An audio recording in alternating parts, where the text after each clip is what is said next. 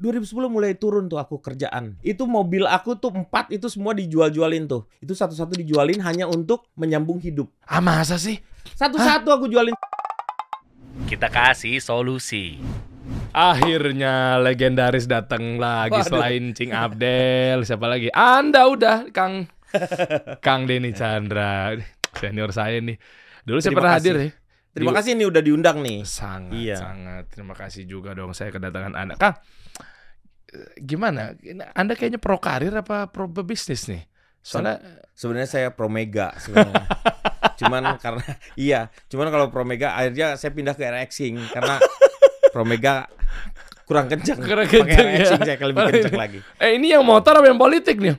Mega Pro maksudnya Oh, kan Mega harusnya. Pro kirain kalau iya. Pro Mega soalnya ke politik enggak jadi. Pronya sih sebenarnya aku ke karir lah pasti. Nah itu tadi kan ngobrol-ngobrol nanti kita kupas teman-teman nih. Eh, lihat sekarang perjalanan para senior-senior ini kan biasanya udah punya nama tinggal bangun bisnis, udah pasti lancar lah privilege nama. Tapi tadi kita ngobrol di belakang sebelum syuting, apa jangan-jangan mungkin diumpetin kali ya, Kang. Jadi gimana? Ada bisnis Kang? Ah, aku mah enggak lah.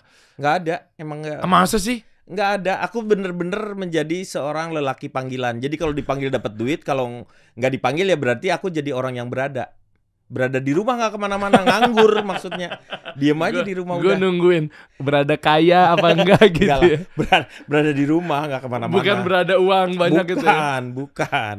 Jadi menikmati aja semuanya seperti itu. Apalagi di ujung-ujung seperti ini, aku sama Abdel aja lumayan jauh secara usia ya. Abdel itu di kelasnya tuh sebenarnya di kelasnya anak-anak Project Pop kalau dia. Oh. Abdel tuh. Karena Project Pop kan hitungannya dibentuk sama Kang Denny kan? Iya betul, aku yang membuat karena teman-teman kan lagunya lagu parodi. Waktu dulu tuh orang-orang kan nggak tahu kalau parodi itu adalah seni. Ah, cuma bisanya cuma nyontek doang. Ah. Akhirnya saya buktikan bahwa teman-temanku juga semuanya bisa membuat lagu yang eh, lucu, misalnya lagu-lagu yang eh, ciptaannya sendiri nah, dibuatlah project pop. Ah. Pop itu dari kamu bisa menyanyikan lagu apa aja genrenya mau jazz, mau dangdut, mau apa aja, terserah yang penting adalah populer popnya itu. Oh dulu begitu. Ya, jadi aku yang ngambilin tuh satu-satu tuh anak-anak ini ini ini dari sekian ada sekitar 20 orang yang harus saya pilih, akhirnya mereka lah yang terpilih menjadi project pop itu. Nah ini kalau kita cerita tentang dulu perjalanan sampai sekarang, Ya. ini saatnya kita mulai dari awal nih Kang. Hmm. Ya cerita tentang perjuangannya. Kayaknya nggak pernah turun-turun nih karirnya kayak di atas mulu ya. Enggak juga, enggak. Kayaknya enak banget gitu kayak gitu. Ah, Ta- tahun 94 kita tuh bareng-bareng. Mungkin kalau dalam sebuah sejarah di Indonesia hmm. cuman satu-satunya satu grup yang isinya anak-anak yang eh, kuliahan Hmm. S1 itu mungkin ya hanya P Project yang paling terbanyak. Dibanding dengan kalau Warkop kan cuman 4 sampai 5 orang lah ya. Kalau Ya. kita tuh hampir 30 orang, ijazahnya udah punya nih, ijazah S1 tapi nggak pernah menjajakan itu ke kantor-kantor untuk apply pekerjaan. Jadi Kenapa? emang mau bener-bener hidup di dunia hiburan. 30 orang itu dibentuklah yang namanya P Project itu. Salah satu yang ininya tuh adalah kita tidak mencari nafkah tapi kita mencari berkah. Oh, iya. Jadi kebersamaan ah, hal yang menjadi apa? Menjadi unggulan dan itu adalah miniaturnya NKRI kalau menurut aku. Karena dari mulai agama macam-macam, ada yang Katolik, ada Eh, yang eh. Kristen, ada yang walaupun mayoritasnya Islam. Iya. Dari kesukuan ada yang Batak, Manado, ada yang Jawa, Padang. Itu semua tuh ngumpul di situ dan kita tidak pernah berselisih untuk hal-hal yang sensitif, sensitif seperti itu. Loh. karena kita mau membuat karya begitu. Loh kan membuat karya. Mm-mm. Terus katanya nggak mau nyari nafkah tapi nyari berkah. Iya. Lah karya terus dituang ke masyarakat ya gimana caranya kalau memang misalnya kita nggak dihargai karyanya mau makan apa Nah, kan ujung-ujungnya nafkah nggak mungkin kita nggak pakai duit kang hidup yang pertama carinya berkah dulu. Melalui apa? Nanti kita akan mendapatkan nafkah melalui karya itu. ujung-ujungnya Iya, ujung-ujung nafkah, nyari uang sebenarnya. Iya, karena kan kan kita harus hidup, cuman hidup dari hal yang diridoi itu sebenarnya, berkah itu. Ah. Sekecil atau besar tidak jadi permasalahan sebenarnya, tetapi berkah itu lebih penting. oh masya allah percuma nafkahnya banyak Iya. tapi nggak berkah Iya, betul.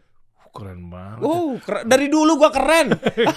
Kayak gitu Enggak ya? kayak gitu Enggak, enggak ya. kalau ada pujian nggak Nggak boleh, nggak boleh gitu lah. ya. Harusnya merendah ya. merendah Iya, iya, iya, nggak iya. gitulah der ya eh hidup lah gitu. Tapi enggak juga deh. Pada 2010 Hah? Itu tuh udah mulai turun tuh. Jadi kalau orang ngelihatnya, oh ya, ya ini terus enggak lah. 2010 mulai turun tuh aku kerjaan. Sampai ke 2002 tahun lebih 10 bulan lah. Itu kerasa banget. Itu mobil aku tuh empat itu semua dijual-jualin tuh. Dari mulai ada SLK dua pintu, ada Alphard, ada Caravelle, ada Teana. Itu satu-satu dijualin hanya untuk menyambung hidup. Ah masa sih? Iyalah, satu-satu aku jualin sampai yang terakhir di 2013 bulan Agustus kalau nggak salah ya apa September gitu.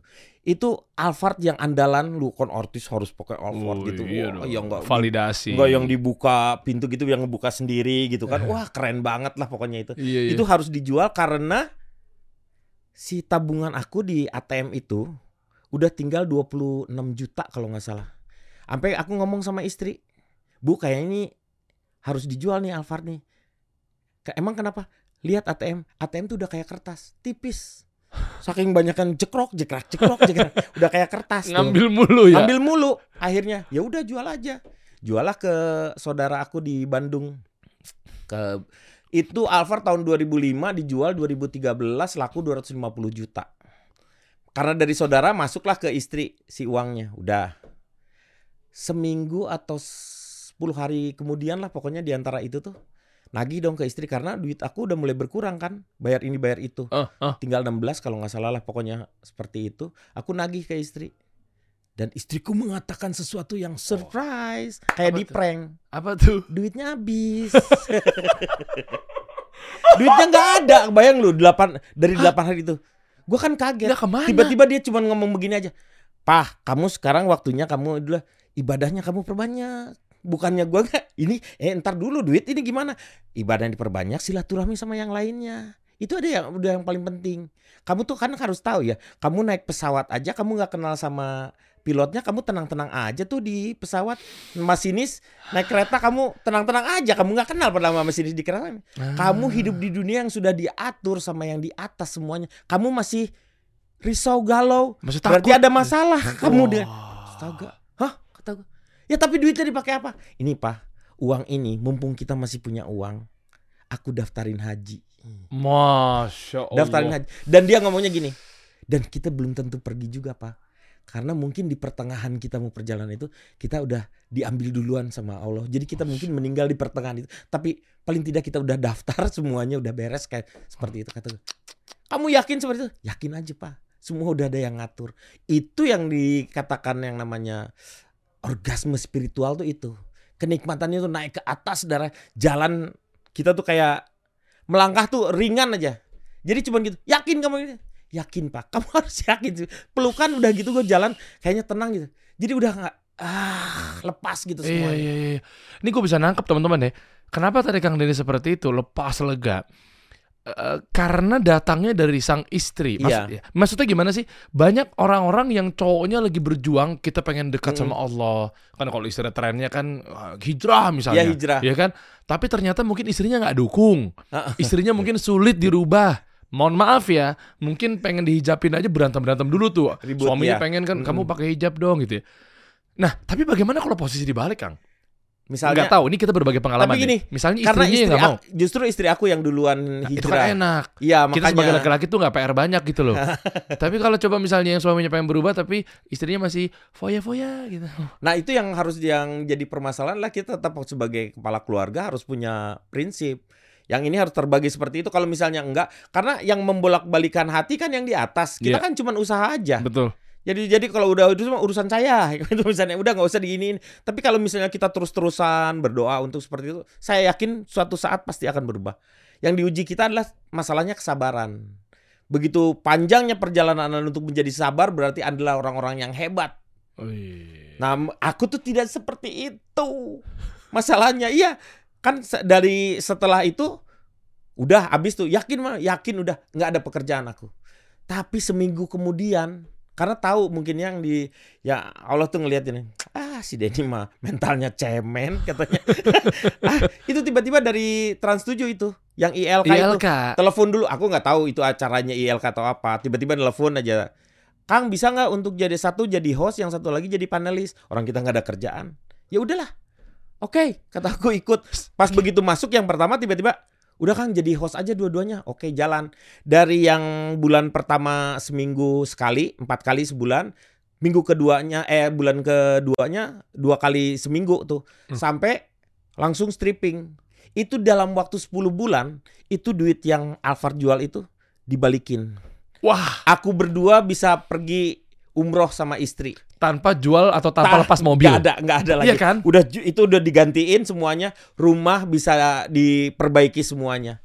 Istri aku cuma senyum-senyum aja gitu. Itu itu jadi ketika kita ngelepas itu semuanya itu itu tuh datang sendiri gitu. Dan kadang-kadang kita nggak pernah duga dari mana itu, itu itulah yang membuat kataku selama kita percaya sama yang di atas dan selalu mempunyai apa namanya ini yang baik gitu prasangka yang baik kataku yakin harus yakin Waduh, dahsyat ini ilmunya mahal loh teman-teman. Ada yang pertama pasti ilmu tauhid. Kita yakin, ya yakin Iya gitu. kan? Istilahnya naik Yakin. pesawat aja kita nggak kenal sama pilotnya aja kan. Betul itu bener kan? Kita Kejadian. nyampe-nyampe aja. Nyampe, nyampe. Masa istilahnya kita sekarang berada sampai pemilik bumi gitu loh. Yang di mana Yang kita udah diatur Ah, semuanya. Kita masih risau itu berarti ada masalah Tuh, memang. Tauhid. Yang kedua eh, perkara tentang takwa. Hmm. Ya kan ketika kita bertakwa semaksimal mungkin Allah kasih rezeki dari arah Betul. yang nggak disangka-sangka. Ya kan? Iya. Baru yang ketiga tadi prasangka baik terus tuh. Wah. Itu prasangka baik itulah yang sebenarnya akan menyelamatkan kita juga. Dan dahsyat. kan intinya kalau misalnya, aduh gue jadi kayak ceramah gitu ya. Padahal Oh. ilmu-ilmunya tuh sebenarnya tuh juplik-nyuplik dari guru-guru aku. Tapi Lah, dapat Eh, Ini kan alhamdulillah. mengamalkan ilmu beliau Iya, berarti iya, iya. keren. Susah loh ini. Jadi kayak intinya hidup itu sebenarnya cuman ingin mendapatkan ridhonya Allah. Tapi caranya gimana ya? Yaitu kita harus ridho dengan ketentuannya dari Allah. Itu aja Hmm. intinya. Jadi begitu kita ridho dengan ini, ini semuanya tuh sebenarnya pasti akan berjalan dengan lancar. Wah. Ini kalau kayak gini ntar pasti ada yang komen nih. Ya nggak apa-apa sih seru sih. Seru. Masya so tahu lu gitu Oh, oh. paling. Enggak kalau gue bilang soal kayak gini soalnya. Kalau ada beberapa netizen ya Iya iya iya. eh, yang eh, komen-komennya itu agak sedikit buruk, sebenarnya dia sedang bermasalah dengan dirinya. Kok bisa? Karena dia bermasalah karena kalau setiap orang mau berbicara apa pun juga, ketika dia melihat sisi baiknya, itu kan akan dikembalikan lagi ke dalam dirinya. Ah, ngerti. Jangan terlalu banyak memasukkan sesuatu ke dalam diri kita yang buruk-buruk, harusnya yang baik-baik supaya kita juga baik. Ah, Sama kayak kekuatan doa. Bayangin nggak doa tuh begitu hebatnya. Ketika kita berdoa untuk orang lain, itu sebenarnya lagi ngebalikin lagi doanya eh, dari doa yang kita tuh dipantulkan ke kita sendiri. Sama dengan kita gitu lagi ya? iya sama dengan kita Ah. lagi berdoa untuk diri kita sendiri. Ini sama nggak halnya dengan kayak waktu dulu kan kita suka ada stigma tentang kayak kamu duduk mulu nih misalnya gini, kamu selingkuh ya, kamu selingkuh ya, kamu pulang malam tuh karena ke sini ya, kamu mampir ke sini ya. Sebenarnya itu yang dari dari yang dia katakan tuh yang jangan-jangan dia lagi ngerasain seperti itu ya. Iya, itu iya, itulah yang namanya Ya, jadi misalnya apa, ter- ternyata yang selingkuh dia sendiri, Iya, itu ketakutannya. memasukkan hal-hal Refleksi. yang negatif. Iya, yang akan Refleksi. keluar pun nanti akan jadi begitu. Ah, Berusaha untuk jadi positive thinking tuh ternyata itu. tuh kan cocok sesuai dengan judulnya tuh. Judul ini nih yang tayang di di YouTube ini kan judulnya kan kisah tobat seorang Denny Chandra. Bukan dong, azabnya dong. Nanti ada azab. Padahal gue nggak tahu ntar mau tulis judulnya apa ya.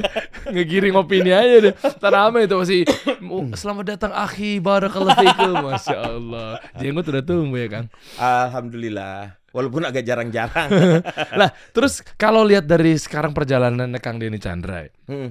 dari dari zamannya presiden berarti dari Pak Zaman Pak Harto. Pak Harto, Pak Harto, Pak Habibie langsung ke Pak Gu- eh, Gus Dur, eh, Pak Habibie, Gus Dur, Bu Bu Mega, Pak SBY. SBY, sama Ush. Pak Jokowi. Iya kan? Ini pertanyaannya lebih dalam loh. Apaan? Pilih yang mana kak? Enggak, enggak. Yang mana? Di antara tiga nih. Pak. Nggak usah, nggak usah dipanjangin. Nggak usah dipanjangin. Bukan channel politik, bukan channel politik. Gue yang mancing, kal. Emang kalah gue ngomong-ngomong. gue mancing. nggak kita bikin jadi total solusi harusnya. Jadi ketika lu memberikan solusi, lu harus total. Jangan juga hanya cuman kasih solusi. Solusi lu tergantung dirimu. Harusnya lu total kalau ngomong ngasih solusi. Halo Panis. Udah dibilang katanya, Dari lu dibeli sama Deddy Kobuzer, Deddy Kobuzer invest. Berarti ntar bentar lagi lu kegiring ke ranah politik. Gue lagi rame di situ. Padahal gue udah bilang, lu lihat surat kontraknya gue sama Deddy Kobuzer lihat. Di situ gue bilang bahwa kayak tidak ada politik praktis, tidak ada eh, kemaksiatan, tidak boleh intervensi, merubah DNA, kasih solusi. Tapi lu gini, ketika orang memandang lu seperti itu, orang kalau orang udah benci, lu mau berbuat apa pun juga ya tetap benci aja. Ah. Jadi selama lu yakin dengan apa yang lu jalanin ini, lu jalanin aja lurus. Nanti juga akan ketahuan. Ketahuan yang orang tuh hidup di akhir-akhir yang paling benar tuh. Pernah dengar nggak ada seorang wali kota eh, wali kota di Bandung itu sebelum yang ini bermasalah, sebelumnya tuh kan ada Tahu, tahu. namanya Mang Odet. Iya, iya, iya. Tuh tahu. ketika dia angkat waktu dulu selalu dibanding-bandingkan sama penduduk Bandung itu sendiri. Oh nggak kayak Ridwan Kamil ini mau nggak ngebangun ini. Wah Bandung tuh acak-acakan. Tetapi di akhir hayatnya beliau meninggal hari Jumat. Ketika beliau mau naik ke atas mimbar untuk Wih. memberikan tausiah. Videonya viral tuh. Masya Wah. Allah. Itu siapa yang gak sirik pengen kayak? Ini nikmat Iya. banget ini. Nggak nyusahin orang, nggak dikasih lama-lama, hilang. Wah, Ih, udah di hari yang berkah lagi. Di hari yang berkah. Jumat, Jumat berkah. naik ke atas mau ngasih tausiah kebayang nggak itu nikmat mana lagi itu wah orang-orang Iya, banyak iya, yang iya, sirik iya. lah seperti itu itu jadi jangan dilihat ketika dia ngerjain udahlah berarti dia sudah sebenarnya dia sudah mengerjakan sesuai dengan apa yang harus ditugasnya dia itu sebagai wali kota jadi orang mikirnya jangan terlalu ekspektasi tinggi kerjain dulu aja yang udah yang menjadi kewajibannya dia itu dia sudah melakukannya itu Ah, Nah ini nih ilmu yang makanya saya langsung giring ke sini tuh kenapa teman-teman? Kan ini kan beliau ini kan pasti menyaksikan lah lintas-lintas generasi. Iyalah. Ya. Dulu dari zaman- mulai Eh, itu. teknologi juga Ah. sama itu Eh kan dari mulai apalagi sekarang ini saya mau senggol-senggol dikit lah ya. Eh, Soalnya kan memang topik pembahasannya mengenai yang namanya karir sama bisnis. Mm-mm. Sekarang juga eranya adaptif juga kan Iya. dari yang namanya pedagang tanah abang ada yang terima ada yang nggak terima perubahan. TikTok itu ya Ah, itu. Nah, artinya kan eh, Kang Denny kan bisa dibilang pasti tahu lah menjalani ini kan karena memang teknologi berubah, ya kan? Eh, handphone juga berkembang. Dulu namanya handphone, sekarang mungkin anak-anak sekarang nggak tahu kalau ternyata dulu namanya handphone, taunya smartphone. Iya, heeh. Iya kan lu punya smartphone nggak? Gitu. Saya pernah lagi ada di kendaraan umum apa segala macam obrolannya kayak eh lihat smartphone lu dong. Lah dulu kita ngomongnya handphone. Dulu ya ngomongnya handphone. Iya kan? Karena sekarang tuh yang kenapa disebut smartphone? Karena antara handphone dengan yang punyanya lebih smart handphonenya daripada orangnya. Emang Iya, ya Emang iya. karena orang yang beli smartphone itu dia tidak mempergunakan kesmartannya phone itu sendiri secara maksimal. Iya. Jadi dia hanya membeli gengsi aja gitu sebenarnya. Eh juga ya. Iya Coba emang fungsinya apa? Nggak, ya paling nggak dipakai medsos, Iya. udah pak WA dan Ah. yang lainnya buka-buka Instagram ya gitu. Yang lainnya udah nggak ada lagi. Ih juga ya. Iya kan? Nggak dipakai lah kecuali orang-orangnya. Nah, berapa persen orang yang memakai eh, kepentingan untuk misalnya memasukkan? Kalau lu pasti pakai. Karena apa? Untuk nyimpen apa? Nyimpen data untuk gua wah gua jadi pembicara di sini. Pasti lu disimpan di handphone juga karena lebih praktis. Lu dipakai. Ah, Tapi iya. tidak semua itu itu persentasenya pasti sangat sedikit Iya, di bawah minor. 5% kalau menurut aku. Iya minor banget itu ya. Iya. Nah itu gimana lihat dari sekarang? Apalagi kan mungkin kan punya anak juga ngadapin. Ini terkait dengan karir dan bisnis. Nah, coba kita pro kontra dan bentur-benturkan deh. Kalau gini ya, Coba. kenik yang paling penting adalah eh, rasa nyaman. Tapi kita nggak boleh ada di rasa nyaman itu. Ketika masuk di dalam zona nyaman, sebenarnya itu adalah seperti kita memakan racun. Lu ke keasikan aja nggak mau berkembang. Nah, iklim di Bandung itu ya salah satunya gitu. Jadi nggak peduli dengan dia, ah yang penting gue mah nikmat aja, udah nikmat ini. Enggak sebenarnya. Kalau istilahnya ini tuh kita tuh kalau di eh, harus naik makom. Oke. Iya kan? Hmm. Harus tahu lah di makom-makom ini untuk naik meningkat meningkat supaya nanti kalau misalnya kita kan nggak pernah tahu katanya sih surga tuh bertingkat-tingkat. Iya. Nah itu sama dengan meningkatkan itu kalau kita mau ke sana kan sampai di Firdaus lah. Adan Firdaus itu Iya, dia. yang Hmm. seperti itu. Itu tujuannya kita menaikkan itu. Makanya kita harus menggali terus sebenarnya. Oh berarti kalau ada perubahan harusnya mereka adaptif. Harusnya sih adaptif. Cuman kan kemampuan orang ketika kita be- usianya bertambah, banyak kan yang nikmat-nikmat yang dikurangin salah satunya adalah stamina, daya ingat, Hmm. pendengaran, Hmm. penglihatan. Itu semua dikurang-kurangin kan. Nah, kita mau adaptif gimana kan dengan kecepatan yang seperti itu nggak mungkin kan. Yang paling penting adalah bijak mempergunakan hal tersebut. Jadi kita pikirnya adalah Ah. dengan ini apa yang kita bisa perbuat eh, dengan untuk kebaikan misalnya seperti itu. Oh, Oke. Dan itu kenapa nggak dituang Kang Denny bikin bisnis apa segala macam? Karena aku nggak terlalu suka bisnis. Hah? Lah kalau misalnya karirnya kan ada ujungnya Kang? Iya Sebenarnya dong. kalau karir ada ujungnya, tapi kalau rezeki itu sebenarnya nggak ada ujungnya. Masya Orang meninggal adalah ketika memang udah rezekinya udah habis. Udah, udah berhentinya di situ. Berhentinya di situ. Kalau emang Nah. re- rezekinya udah habis, mah pasti habis juga udah Ya, tapi semua. kan ikhtiar masa masa tiba-tiba tawakal aja yang salah. Ti- ikhtiar itu sel- selalu kita lakukan. Jadi gini, Hmm. pengembangannya adalah di dunia yang aku geluti. Misalnya sekarang gue di dunia hiburan gitu. Hmm. Ya di dunia itulah yang aku akan geluti. Ketika saya tidak lagi bisa menjadi pelawak gitu, toh aku bisa di belakang menjadi sutradara atau membuat misalnya eh, sebuah bentuk pagelaran yang kayak begitu. Ya. Aku bisa kayak Nah, itu itu itulah yang salah satunya masih tetap di dunia hiburannya itu. Jadi jangan terlalu ngajlok ke mana gitu. Jadi kayak maksudnya dive- diversifikasi usaha yang terlalu jauh. Tiba-tiba aku jadi jualan apa properti gitu. Misalnya Oke. itu enggak ja- nah itu aku bukan bukan orang yang seperti itu. Saya lebih menikmati itu dan bisa mengembangkan maksudnya tuh. Dan mindset ini sama nggak beriringan juga sama mindset istri? Sama. Sama. Sama. Istri berarti nggak ada usaha. Istri, istri ada, tapi dia juga nggak terlalu usaha yang apa eh ngotot gitu yang nggak terlalu begitu juga. Dia ngikutin aja. Ah, Dia tuh oke. jadi eh dia pokoknya ketika di ah, saya menikah dengan dia itu agak sedikit agak bermasalahnya tuh Wah. adalah di Wah, ini, ini, ini, masalah. eh, enggak dia tuh dulunya nih. IO. Io. Dia kerja di IO tuh. Dia yang IO-nya tuh bukan yang di apa? Bukan yang di dalam negeri. Jadi tuh dia tuh pameran misalnya di Jerman. Uish. Jadi dalam waktu satu tahun tuh dia bisa empat kali lah keluar negeri bisa ke Jepang ke mana. Itu tuh kan yang membuat dia tuh aktif terus kayak gitu. Begitu ak- eh, menikah dengan aku terus saya harap kamu tidak bekerja lagi, kamu menjadi ibu rumah tangga. Itu dalam waktu empat bulan itu kerasa banget dia ininya apa? Penyiksaan ke dia. Aduh, gua harus ngerjain apa, ngerjain apa? Karena tidak terbiasa Ah, oke. diam di rumah kan. Oke. Tetapi ketika dia eh, hamil, sudah mengandung, dia punya ini apa konsentrasinya ke si anak ini. Jadi lebih ter inilah da- dari situlah dia terbiasa. Jadi dia jadi sebuah kalau di rumah itu sebenarnya guru guru madrasahnya tuh di- dialah yang menentukan si anak-anak besar seperti itu kayak gimana. Itulah ibunya itu Hmm. bagaimana role model yang jadi role model yang baik itu harus dari si ibu gitu. Jadi kayak anak-anak kadang-kadang juga nggak merhatiin misalnya kalau di rumah, tapi di tempat makan itu jadi sebuah permainan kita berdua sama Emang istri. oh, ini kita mau belajar dong. Ini gimana caranya? Jadi gini, Hah? ya kayak gitulah kalau misalnya si anak-anak kan sebenarnya ada multitaskingnya. Biar kata udah makan selesai gitu kita ngobrol. Eh, si anak lagi main gini-gini, rese si ibunya biasanya cerita cerita tentang si temennya gitu atau cerita tentang anak temennya Eh, yang eh. ih itu si anak itu tuh baik banget loh kemarin tuh dia cerita dia menceritakan tentang kebaikan. Jadi sekali-sekali anak anak aku juga eh, ngedengerin sebenarnya dia.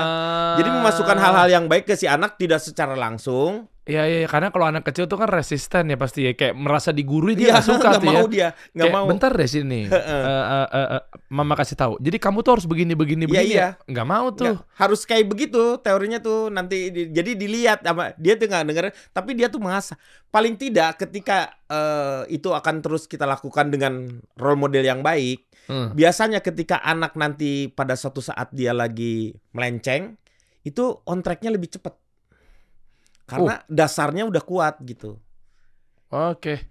itu yang menjadi apa namanya modal jadi modal Dan itu salah satu alasan juga kenapa mungkin Kang Deni sama istri itu nggak mau berbisnis karena kalau berbisnis itu kan ribet banget, Ribet, pusing iya. banget. iya Takutnya waktunya habis, ha-ha. terbuang buat sama-sama keluarga. Tapi ada juga yang merasa bahwa di kubu yang namanya pengusaha, terus tiba-tiba dia bilang "Ah, ngapain lo berkarir mulu gitu kan? Ya elah masih aja lo kerja sama orang. ha-ha. Ya, gue mendingan punya usaha sendiri. Udahlah bisnis aja lah. Itu gimana sudut pandangnya? eh sebenarnya bergantung kepada dia. Kalau misalnya passionnya dia di situ, membuat dia jadi bahagia, ya lakukanlah itu gitu. Hmm. Itu yang paling penting kan sebenarnya. Kayak sekarang, lu- Der, lu sekarang di eh, ngerjain eh, teman-teman UMKM untuk maju Iya. bersama yang seperti itu. Ini kan kita sekarang lagi berlomba-lomba. Lu masuk di sana bukan hanya sekadar mengejarkan sesuatu untuk eh, lebih baik, tetapi pasti adalah sesuatu kebaikan-kebaikan yang akan dicontoh dari mereka-mereka Iya, iya, ketika iya, melihat iya. diri lu di aku di dunia hiburan di dunia lawak harus juga membawa uh, figur kebaikannya itu jadi itu menjadi sebuah apa ya Fastubikul Khair itu ya berlomba-lomba kebaikan itu masing-masing di bidangnya masing-masing bukannya kita bentrok-bentrokan tapi justru ketika kita ketemu kita tuh kolaborasi menjadi sesuatu yang lebih Iya. kuat lagi Itu kuncinya kolaborasi. Jadi kalau lihat dari pertengkaran antara bus usaha ya, jadi bos apa jadi karyawan Iya. gitu istilahnya. itu kan percuma juga ya pengusaha mau jalan pakai apa perusahaannya kalau nggak ada yang ngerjain, Iya, betul. kalau nggak ada yang jalanin. Lah terus yang kantoran juga mau mau kerja di mana kalau nggak ada perusahaan? Iya. Nah, jadi kan kolaborasi berarti ya. Ini yang paling gue sebel kalau udah orang dia kerja di kantoran, Hah? tapi padahal gajinya dia cukup lah. Tapi karena ekspektasi sama keinginan dia yang berlebihan, akhirnya kadang-kadang suka ada aja keluhan yang ah nggak enak di kantor sini mah udah. Jadi kayak apa ya ngeludah di piring makannya sendiri. Ah, Oke, dulu pas lo susah lo ngemis-ngemis minta kerjaan gitu. ya. iya, begitu. Udah ini karena dia sebenarnya yang membuat ya dia seperti itu sebenarnya dia makan cukup terpenuhi semuanya. Karena keinginannya dia pengen karena ngelihat ke atas kali ya pengen beli tas yang mahal lah, Ya. ganti mobil yang lebih mewah lah, misalnya seperti itu. Itu kan yang jadi cobaannya buat dia itu. Padahal sebenarnya kalau dia mau bahagia dia jadi dia tidak akan pernah bisa berdamai dengan dirinya karena keinginannya. Wah, iya sih. Banyak yang kayak gitu soalnya. Mm-mm. Apa itu ngaruh juga ke perusahaan? Perusahaan juga gitu ya kali. Tapi kalau perusahaan malah jadinya kayaknya efeknya malah positif ya. Wih, dia lebih sukses ya berarti gue harus lebih sukses lagi. Kalau di kantor kok ke- kenapa cenderung Kan, itu sebenarnya kan kalau misalnya si sistemnya dia dibuat udah seperti itu enak tapi kan yang terjadi juga kadang-kadang ada banyak juga ya di perusahaan yang ya KKN-nya itu juga jadi kalau ngelihat orang kan prestasinya ada kadang-kadang yang membuat presta eh, apa frustasi itu lah karena prestasi dia sebenarnya udah maksimal terus dia bandingin dengan orang lain loh kenapa dia yang tidak terlalu berprestasi ternyata dia lihat oh dia ternyata saudaranya direktur makanya dia cepet naik dia kesal kan dari gitu ya ngapain gua emang yang mana komisaris yang mana? Enggak lah, misal ini salah satu contoh-contohnya nanti ini akan terjadi. Makanya kata aku kalau ngeliat eh, sedikit politik lah ya. Iya, iya. Wah, tegang nih gue. Enggak, enggak, enggak, Iya, enggak. Iya, gimana gimana? Yang jadi permasalahan adalah ketika eh, harusnya nanti yang menduduki posisi-posisi menteri atau orang-orang gitu adalah orang-orang yang memang dikader oleh si partainya. Tapi sekarang ini ada relawan. Iya kan nggak apa-apa juga kalau dia punya prestasi. Enggak apa-apa. Kan ada menteri. Coba sekarang kita Ya, sebut lu- aja deh. Ya tapi lu tahu dari mana kalau dia punya prestasi? Itu yang jadi masalah. Gue Kan lagi lu- naikin, dijatuhin sama dia. Ya gue lagi nggak lah. naikin. Lu kan kan kita jejak digital itu enggak sekarang itu. Bu, iya paham. Coba gini Ini kan. begitu lu ngelihat menteri ini apaan prestasinya gitu. Lah kan dia bisa bangun perusahaan yang ternyata valuasinya gede banget Ya, misalnya. i- iya mungkin aja sih. Tapi kan yang beberapa ada beberapa Tapi- tidak semua ya Iya, maksudnya ya. Tapi nggak tahu sih perusahaannya sekarang sih rugi katanya. Banyak katanya. eh ini boleh diminum kan? ya Loh, begitulah. kita nggak masuk tendensi ke mana-mana teman-teman. Ini kita aja. pelajarin, kita pelajarin ternyata memang eh, secara general banyak yang kejadian-kejadian seperti itu. Ah, itu kan gampang kalau misalnya sesuatu Hmm. eh, apa pekerjaan itu diberikan kepada yang bukan ahlinya tunggulah kehancurannya. Iya, gitu aja iya, udah iya. paling penting. Nah makanya harusnya sesuai lah seperti itu. Nah di Iya, partai-partai itu sebenarnya di kader. Untuk si ini nanti kalau misalnya diangkat jadi menteri itu karena memang dia punya kepentingan di situ bukan? Ya, tapi dibalik, Kang. Emang apa iya tolak ukurnya? Tadi kan eh, Kang Deddy selalu bilang partai-partai partai emang tolak ukurnya udah pasti orang-orang partai yang pintar, orang-orang partai yang eh, istilahnya apa namanya eh, u- udah pak dari partai udah pasti nggak kabur ke negara luar misalnya kan nggak Eh, mungkin. negeri kalau negeri ini mau benar itu kaderisasi itu harusnya di partai.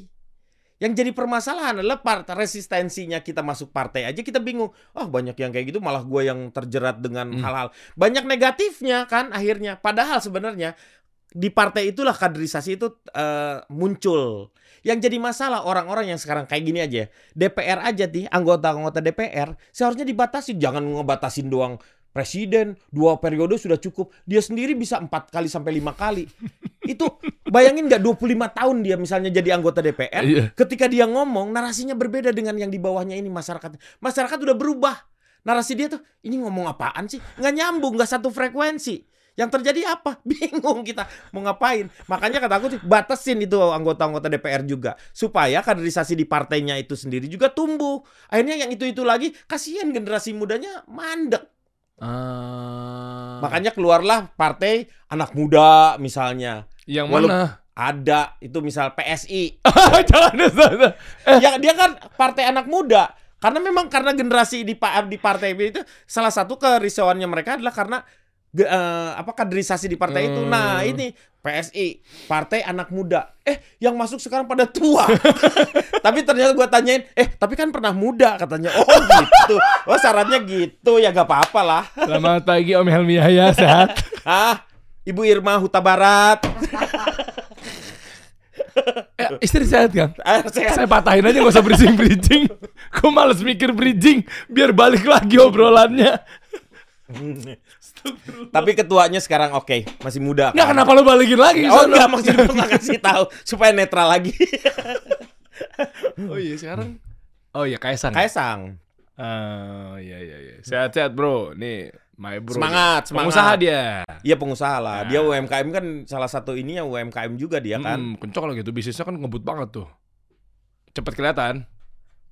Eh, oh, iya, maksudnya iya, iya, oke. muncul ke permukaan. Kita mau bicarakan secara dalam atau gimana nih? Terserah lu sih sebenarnya.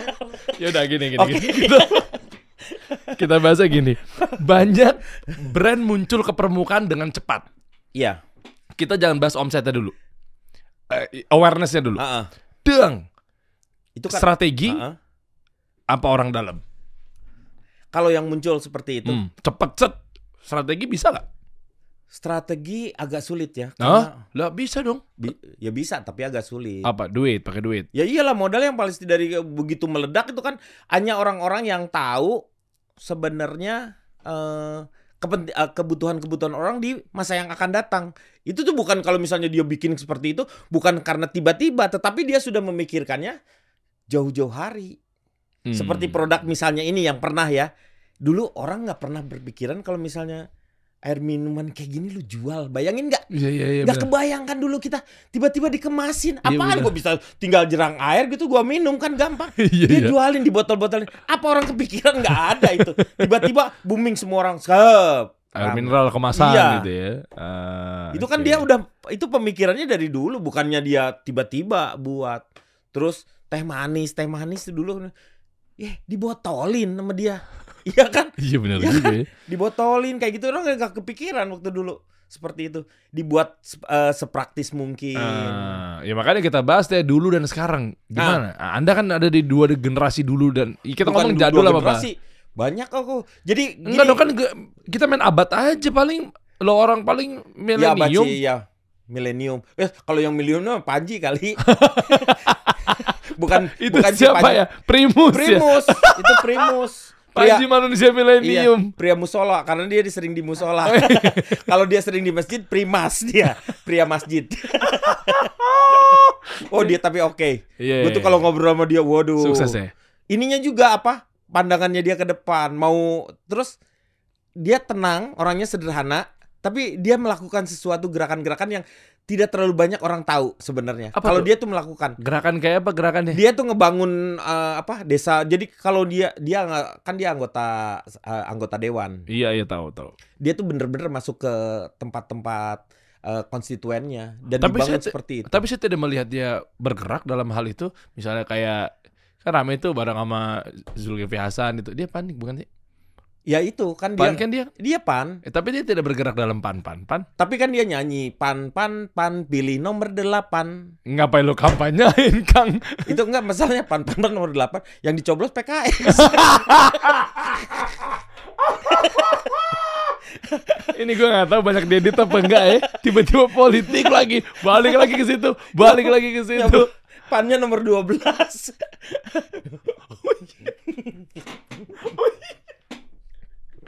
Tuh kan lu baru nggak lu. Baru Nomor 8 oh PKS ya. itu kan Astagfirullah. Astagfirullah. Oh iya dia 12 ya. dia 12, 8 Iya, iya. tuh PKS. Iya, nggak usah dibalikin Oh, iya, lagi. nggak usah, Kenapa ya. lu kampa, kenapa lu kampanyein nomor urutnya? Ya, ya, ya, makanya ini kan balik lagi ya dua generasi kan. Ya, Nah, dua generasi ini tuh perubahannya gimana cara para pengusaha sama orang-orang yang meniti karir? Ah, tadi kan kita lagi bahas di situ tuh. Kalau gua tuh ngebayanginnya gini sih, Der. Kalau gua ngelihat bahwa setiap orang mau ke mau ke mana? ke arah eh, kerjaan dia sukses atau tidaknya itu adalah sebenarnya bagaimana dia mendidik secara karakter. Karakter itu adalah menjadi satu hal yang paling penting menurut gua dalam setiap orang. Nah kita tuh nggak punya karakter-karakter yang kuat yang seperti apa itu. Jadi dilepas seperti itu kayak misalnya ya jualan dilepas aja gitu, nggak ada aturan-aturannya. Jadi setelah ada masalah baru di iniin. Oh, ini- Jadi nggak nggak berpikir ke depan kayak misalnya ya TikTok lah misalnya. TikTok. Oh berarti menurut anda Pak Teten Mas Duki, Pak Zulkifli Hasan salah. Nggak salah sih. Pak Teten koperasi Iya, koperasi UKM. maju nggak sebenarnya? Dari segi apa? Ya dari segi kemajuan koperasi itu kan seharusnya dari dulu soko gurunya itu adalah koperasi kalau di kita tuh di iya, karena ekonomi ada si- simpan pinjam. Iya, di antara koperasi yang lebih banyak itu orang lebih banyak minjem daripada nyimpennya. ya kan yang terjadi. Iya, buat beli motor ya. Ya gugur gugur. Dan sekarang eh lu lihat nggak tahu nggak sekarang banyak anak-anak yang pinjol, korban pinjol hanya karena buat modalin dia neraktir pacarnya. Ah iya itu. Ya kan? Anak-anak bullying kayak gitu. Lu Bayangin nggak itu karena kehilangan karakter sebenarnya sama role model di atas. Anak-anak tuh bingung nyari role Kenapa? model Eh, karena di pemerintahan flexing. seperti apa, di ini apa, siapa yang gua harus lihat gitu yang memang punya garisnya lurus seperti itu, memberikan apa namanya inspirasi yang luar biasa. Oh, ini ngomongin anak-anak berarti kan? Ya iya Role model. kan Ya, dari- eh, berarti udah langkah yang tepat dong Pak Jokowi memilih Pak Nadiem untuk menjadi Menteri Pendidikan. Karena kan pendidikan kan berarti kita masuknya tuh harus dari ranah pendidikan biar dia punya role model. Oh, berarti kalau gua nanti udah besar, gue bisa jadi mendirikan sebuah perusahaan yang namanya kayak Gojek gitu. Enggak enggak semuanya harus bawa eh, akhir dari itu bahwa kalau lu kaya itu lu sukses enggak. Menteri kita ini, Menteri Kebudayaan ini seharusnya dia bergerak. Nah diem ini sekarang, nah diem. Harusnya bergerak. Jadi gue kejebak mulu aja. gue kejebak mulu. ya Gue kan? bilang, ini Nah, orang diem. berani banget. Menteri sekarang harusnya bergerak. Iya Ya dong. Allah, gue lemes gue dengar begituan. kan dia kerja, gue semua ngomong-ngomong, dia kerja pak keliling-keliling, gue tahu dia bikin Merdeka Belajar. Nah diem. Karena diem dia. Tapi sebenarnya pendidikan pendidikan karakternya itu yang paling penting sih sebenarnya. iya, Karena setiap- iya. Karena dari 20% eh, APBN yang untuk pendidikan itu lebih banyak ke infrastruktur bukan ke gurunya. Gue selalu mengatakan di mana-mana di podcast mana pun gue selalu mengatakan bahwa Indonesia tidak akan pernah mendapatkan keberkahan kalau misalnya tidak pernah memuliakan yang namanya guru. Jadi guru-guru itulah yang paling Hmm. penting kataku. Jadi kita harus mencetak guru-guru yang hebat. Lu bayangin aja waktu dulu eh, Hiroshima Nagasaki dibom pada Hmm. saat itu, Hirohito tidak menanyakan sisa dari tentaranya yang dia tanyakan berapa sisa gurunya Wish. yang ada untuk membangun karakter bangsanya Jepang yang seperti apa dan itu dalam waktu yang tidak terlalu lama berapa 20 30 tahun dia langsung bener-bener maju seperti itu. Soalnya memang setuju. Guru itu kan penggerak ya. Iya iya. Bisa dibilang dia itu apa ya? eh, dia bisa mengubah, dia bisa mengatur strategis. Karena lihat deh. Eh, kayak misalnya sekarang eh, langsung aja kita bahas mengenai presiden misalnya. Rata-rata mereka-mereka pasti pengajar, rata-rata mereka Iya, pasti iya. intelijen tinggi. Betul itu. Hmm. Nah kalau makanya kita harus mencetak guru-guru yang hebat sebenarnya dan arahkan anak-anak orang-orang yang hebat itu juga untuk menjadi guru. Kan udah sekarang kan misalnya sekarang Pak Nadim nih kan ada Profesor Surya yang dari apa UPH apa ya dia tuh ya? tahu yang Eh U- apa ya dia tuh? U, dia Hmm. yang UPH Papua. Yang ya yang dia ngumpulin yang Iya. dia kalau mencetak orang-orang untuk ikutan Iya, iya, iya. eh, olimpiade lah olimpiade fisika matematik Hmm, hmm. dia kumpulin kan nih mana orang-orang yang nggak apa yang eh, ini saya drill dia ngadrillnya benar caranya seperti jadi pelajaran itu yang sulit itu bagaimana dia menciptakan pelajaran yang sulit itu menjadi menyenangkan jadi bukan Hmm. kesulitan yang dicarinya ketika dia menyenangkan dia mau involve masuk si jiwanya si anak-anak itu ke dalam itu jadi ih kepen, rasa kepenasarannya tuh ditantang terus Hmm. akhirnya terciptakan ketika di ini mereka berhasil berhasil semua Iya, iya, iya. Kenapa tidak memakai metode seperti itu? Oh itu ada sekolah unggulan. Nah Kapan Nadim pernah ngomong gitu, tidak ada lagi sekolah yang namanya favorit dengan tidak favorit. Hmm. Itu menurut saya kata-kata yang salah. Nah, terus harusnya Lah kita harus menciptakan setiap sekolah itu semuanya favorit. Jangan Ah. gitu seolah-olah. Jadi mindsetnya tuh salah gitu maksudnya tuh ketika ada favorit dengan tidak. Ya itu semua harusnya favorit semua. Jangan dibuat kayak ada. eh, nah si guru-guru yang bagus-bagus itu juga harus mendapatkan yang namanya apresiasi. Dan itu harus di rolling. Jangan dia gurunya di sini-sini. Kan gue di dulu karena ada yang istilah favorit-favorit seperti itu, akhirnya si guru-guru yang itu ngedon aja di situ nggak Iya, berbagi ilmu dengan guru-guru yang lainnya. Ya karena dia merasa diri gue udah di sini nih. Lu bayangin aja Jakarta, Tangerang, Bekasi kayak gitu aja. Sekolahnya ya misalnya cara berpikirnya si anak-anak itu dengan pinggir yang pinggirnya bukan dengan yang jauh-jauh. Itu aja jauh berbeda. Ya memang ya ya, ya maaf ya ini buat edukasi ya. Eh, memang kalau kita lihat dari kota-kota besar, first city sama second city, third city itu pemikirannya, wawasannya ya. Beda. Makanya sebenarnya Iya. harusnya nggak boleh kan kayak gitu. Harusnya kayak itu yang Nah. dibangun itu semua cara berpikir. Jadi gampang. Jadi sekarang lu sekolah, lu ngapain sekarang nyekolahin punya anak nih nanti? Lu Hah? sekolahin ke luar negeri. Gue suruh pinter di sana terus. Tetapi lu tidak membangun anak-anak yang ada di sini. Eh, Harusnya sama. Karena begitu mereka pulang, anak-anak kita pulang ke sini, itu frekuensinya sama dengan yang di sini. Jadi kita nggak cuman bikin pinter beberapa orang saja, sementara yang di sini kita tidak bangun. Ketika itu bangun satu frekuensi, enak itu. Yang ada kalau misalnya dia datang, terus ah banyak yang nggak ngerti gitu, frustasi ini. Waduh, gue punya gagasan gini-gini, Oke. nggak ngerti. Oke, oh nangkep. Maksudnya gini, ngapain kita capek-capek sekolahin keluar? Iya, Takutnya pas balik-balik mindset dia sama orang-orang luar kan berbeda nih. Iya. Ya kan dulu kan Heeh. dia udah di levelnya udah di sini lah. Iya. Tiba-tiba pas balik ngobrol sama ya maaf Masih ya, di bawah, ya masih di bawah gini Iya. jadi nggak ketemu. nggak ketemu. Berarti gimana nih? Kalau solusinya adalah kita bilang sama pemerintah untuk bikin pelatihan IQ dan EQ nyambung nggak? Nggak tahu deh, karena kan kalau IQ kan apa yang kita terima kita serap nih bisa menyerap dengan baik. Paling gampangnya dulu gitu deh. Iya, Tapi kalau EQ kan eh, apa yang kita keluarkan untuk memudahkan orang untuk mencerna kan? Iya, Itu kan skillnya beda-beda ada output, eh, ada input, output. Apakah itu juga harus sama kan? Jadi mungkin anak-anak di sekolahin di luar, tapi sementara ada pelajaran tambahan khusus yang Untuk- memang bisa mencerna sesuatu atau mungkin naikin IQ. Karena rata-rata di Indonesia kan 70 sampai 90 tuh IQ. IQ-nya di kita itu sebenarnya karena sekarang itu anak-anak justru lebih tinggi dibanding dengan kita dulu karena asupan-asupannya udah udah masuk sebenarnya. Sama pergaulan-pergaulan gadget dan lain Ya, sebagainya. ini ya- yang jadi masalah juga kayak gadget kayak gini. Gue setuju pokoknya anak SD nggak boleh satupun anak-anak bawa gadget. Kalau nggak di dilarang keras anak-anak kelas 1 sampai dengan kelas 6 itu memegang gadget. Kenapa? Pengaruhnya banyak itulah pastilah. Iya, iya. Itu tuh pengaruhnya banyak. Kalau kita tidak eh, strict dengan hal tersebut, kata aku eh, tolerannya jadi terlalu banyak. Karena itu bukannya ini tuh bermanfaat, tapi di jadi kayak amandel, kayak usus buntu.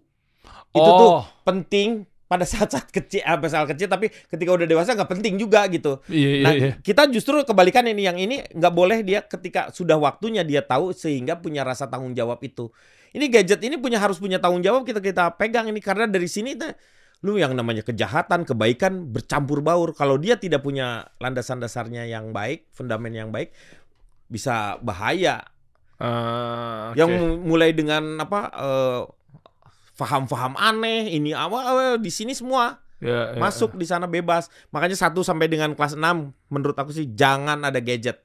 Orang-orang tua kalau misalnya di sekolah sih mem- memungkinkan kan, tidak boleh ada yang bawa gadget aja udah. Jangan di kalau SMP ada yang harus disimpan di apa di tempat tertentu Ya, ya, misalnya seperti itu. Kalau yang SD mah udah nggak boleh. Nah, orang-orang tuanya juga harus keras kalau dia sayang sama anaknya. Mendingan nangis pada saat ini ketika anak-anak masih kecil dibanding Anda nangis setelah anak-anak dewasa. Waduh. Ini cocok nih emang nih regional Cocok kan gue jadi gubernur ya? Ini gue lagi sebenarnya gue tuh lagi dengan ngomong seperti ini emang gue nggak ada apa ekspektasi atau harapan gue. Ah, Ini semua gue tuh berharap ada lah partai yang tahu. gue tuh kapasitasnya gila Nggak ada gitu. gitu. Nggak, Nggak ya, bukan. Kalau digituin Eh, Malah nggak- jadi nggak enak ya. Ya salah lagi gue. Aduh, der gue salah lagi. Enggak, ya enggak gitu lah. Oh, iya, iya, gitu Oh. dong. Enggak lah, saya sih apalah saya ini. Kenapa jadi tiba-tiba jadi sombong? lagi sombong dan minta, ayo partai rekrut saya. Aduh kasihan pengemis. Emang habis nongkrong di tim 15 gitu nih. Ya maklum saya sebagai petugas party. Jadi orangnya petugasnya cuma memang buat Petugas pesta aja. party. Gua Party tugasnya pesta. Emang, gua tuh yang penting pesta aja.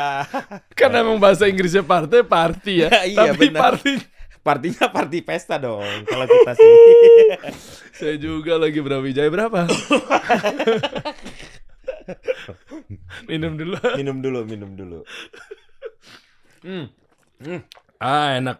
Tapi enaknya air putih. Ya. Ketemunya nggak cuma sekedar air putih. Kan air Kenapa? putih kan menetralisir. Heeh. Ya kan. Nah, abis itu kita untuk naikin kesehatannya dari mencegah dehidrasi, nambahin stamina tubuh, minum madu abis itu dong. Oh iya, ini Iya kan? nih. Ini madu buatan istriku nih. Iya. Tapi gua tuh sama sekali tidak pernah mendukung usahanya dia. Tapi gua Anda tahu durhaka sebagai suami Anda durhaka. kan? durhaka itu hanya untuk orang tua dengan anak. Kalau suami istri yang setara bukan durhaka dong. Lebih ke mana? Dosa. lah, iya benar kan?